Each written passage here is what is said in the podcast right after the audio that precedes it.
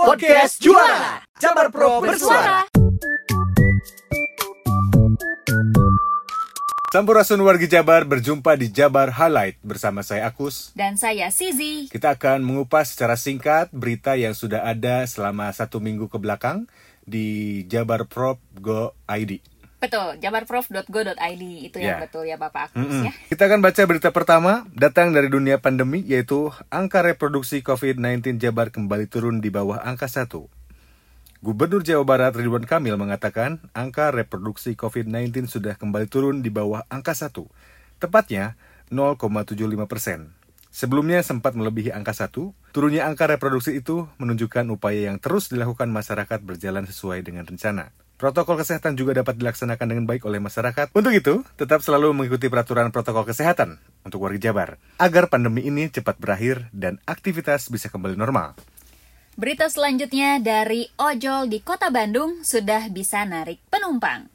Ojek online alias ojol ini sudah bisa kembali mengangkut penumpang setelah Pemkot Bandung memberikan izin dan aplikasi sudah kembali dioperasikan. Karena sebelumnya nih warga Jabar, ratusan ojol melakukan aksi demo meminta agar izin operasi diterbitkan.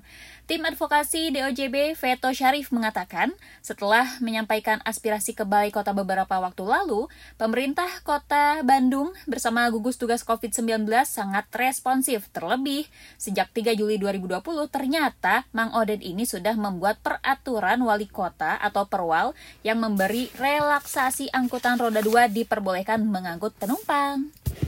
Berita selanjutnya, kewaspadaan kasus impor di Jabar. Ketua Gugus Tugas Percepatan Penanggulangan COVID-19 Jawa Barat, Ridwan Kamil mengatakan, sebelum surat keputusan atau SK dari pemerintah pusat turun, pihaknya intens menangani COVID-19. Gugus Tugas masih bekerja sampai ada SK baru, jadi tidak ada kekosongan, semua tetap apa adanya. Kang Emil menyatakan, saat ini pihaknya fokus mencegah kasus impor atau imported case.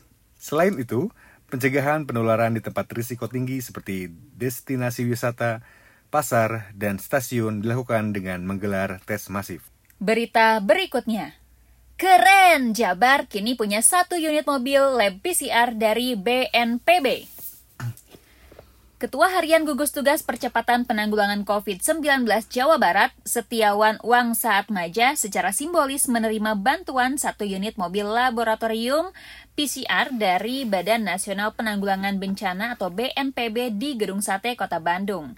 Nantinya, mobil PCR dari BNPB ini akan digunakan di berbagai titik di Jawa Barat oleh Divisi Pelacakan Kontak, pengujian massal, dan manajemen laboratorium gugus tugas Jabar dalam rangka meningkatkan jumlah pengetesan masif di Jabar.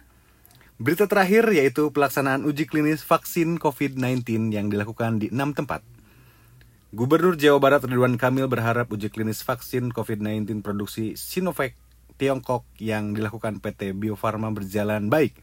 Rencananya, uji klinis akan dilakukan di enam tempat. Kang Emil menyatakan sebelum vaksin COVID-19 selesai menjalani uji klinis dan dapat diproduksi massal, masyarakat harus tetap menerapkan protokol kesehatan dengan ketat guna cegah penularan COVID-19.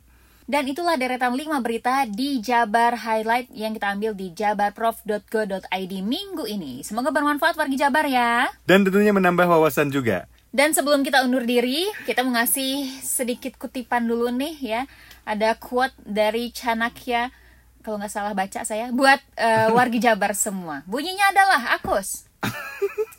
Buru ya, Linsari. Sekali Anda mengerjakan sesuatu, jangan takut gagal dan jangan tinggalkan itu. Orang-orang yang bekerja dengan ketulusan hati adalah mereka yang paling bahagia. Yes, see you next wargi Jabar minggu depan pantengin ya di Jabar Highlight. Wassalamualaikum warahmatullahi wabarakatuh.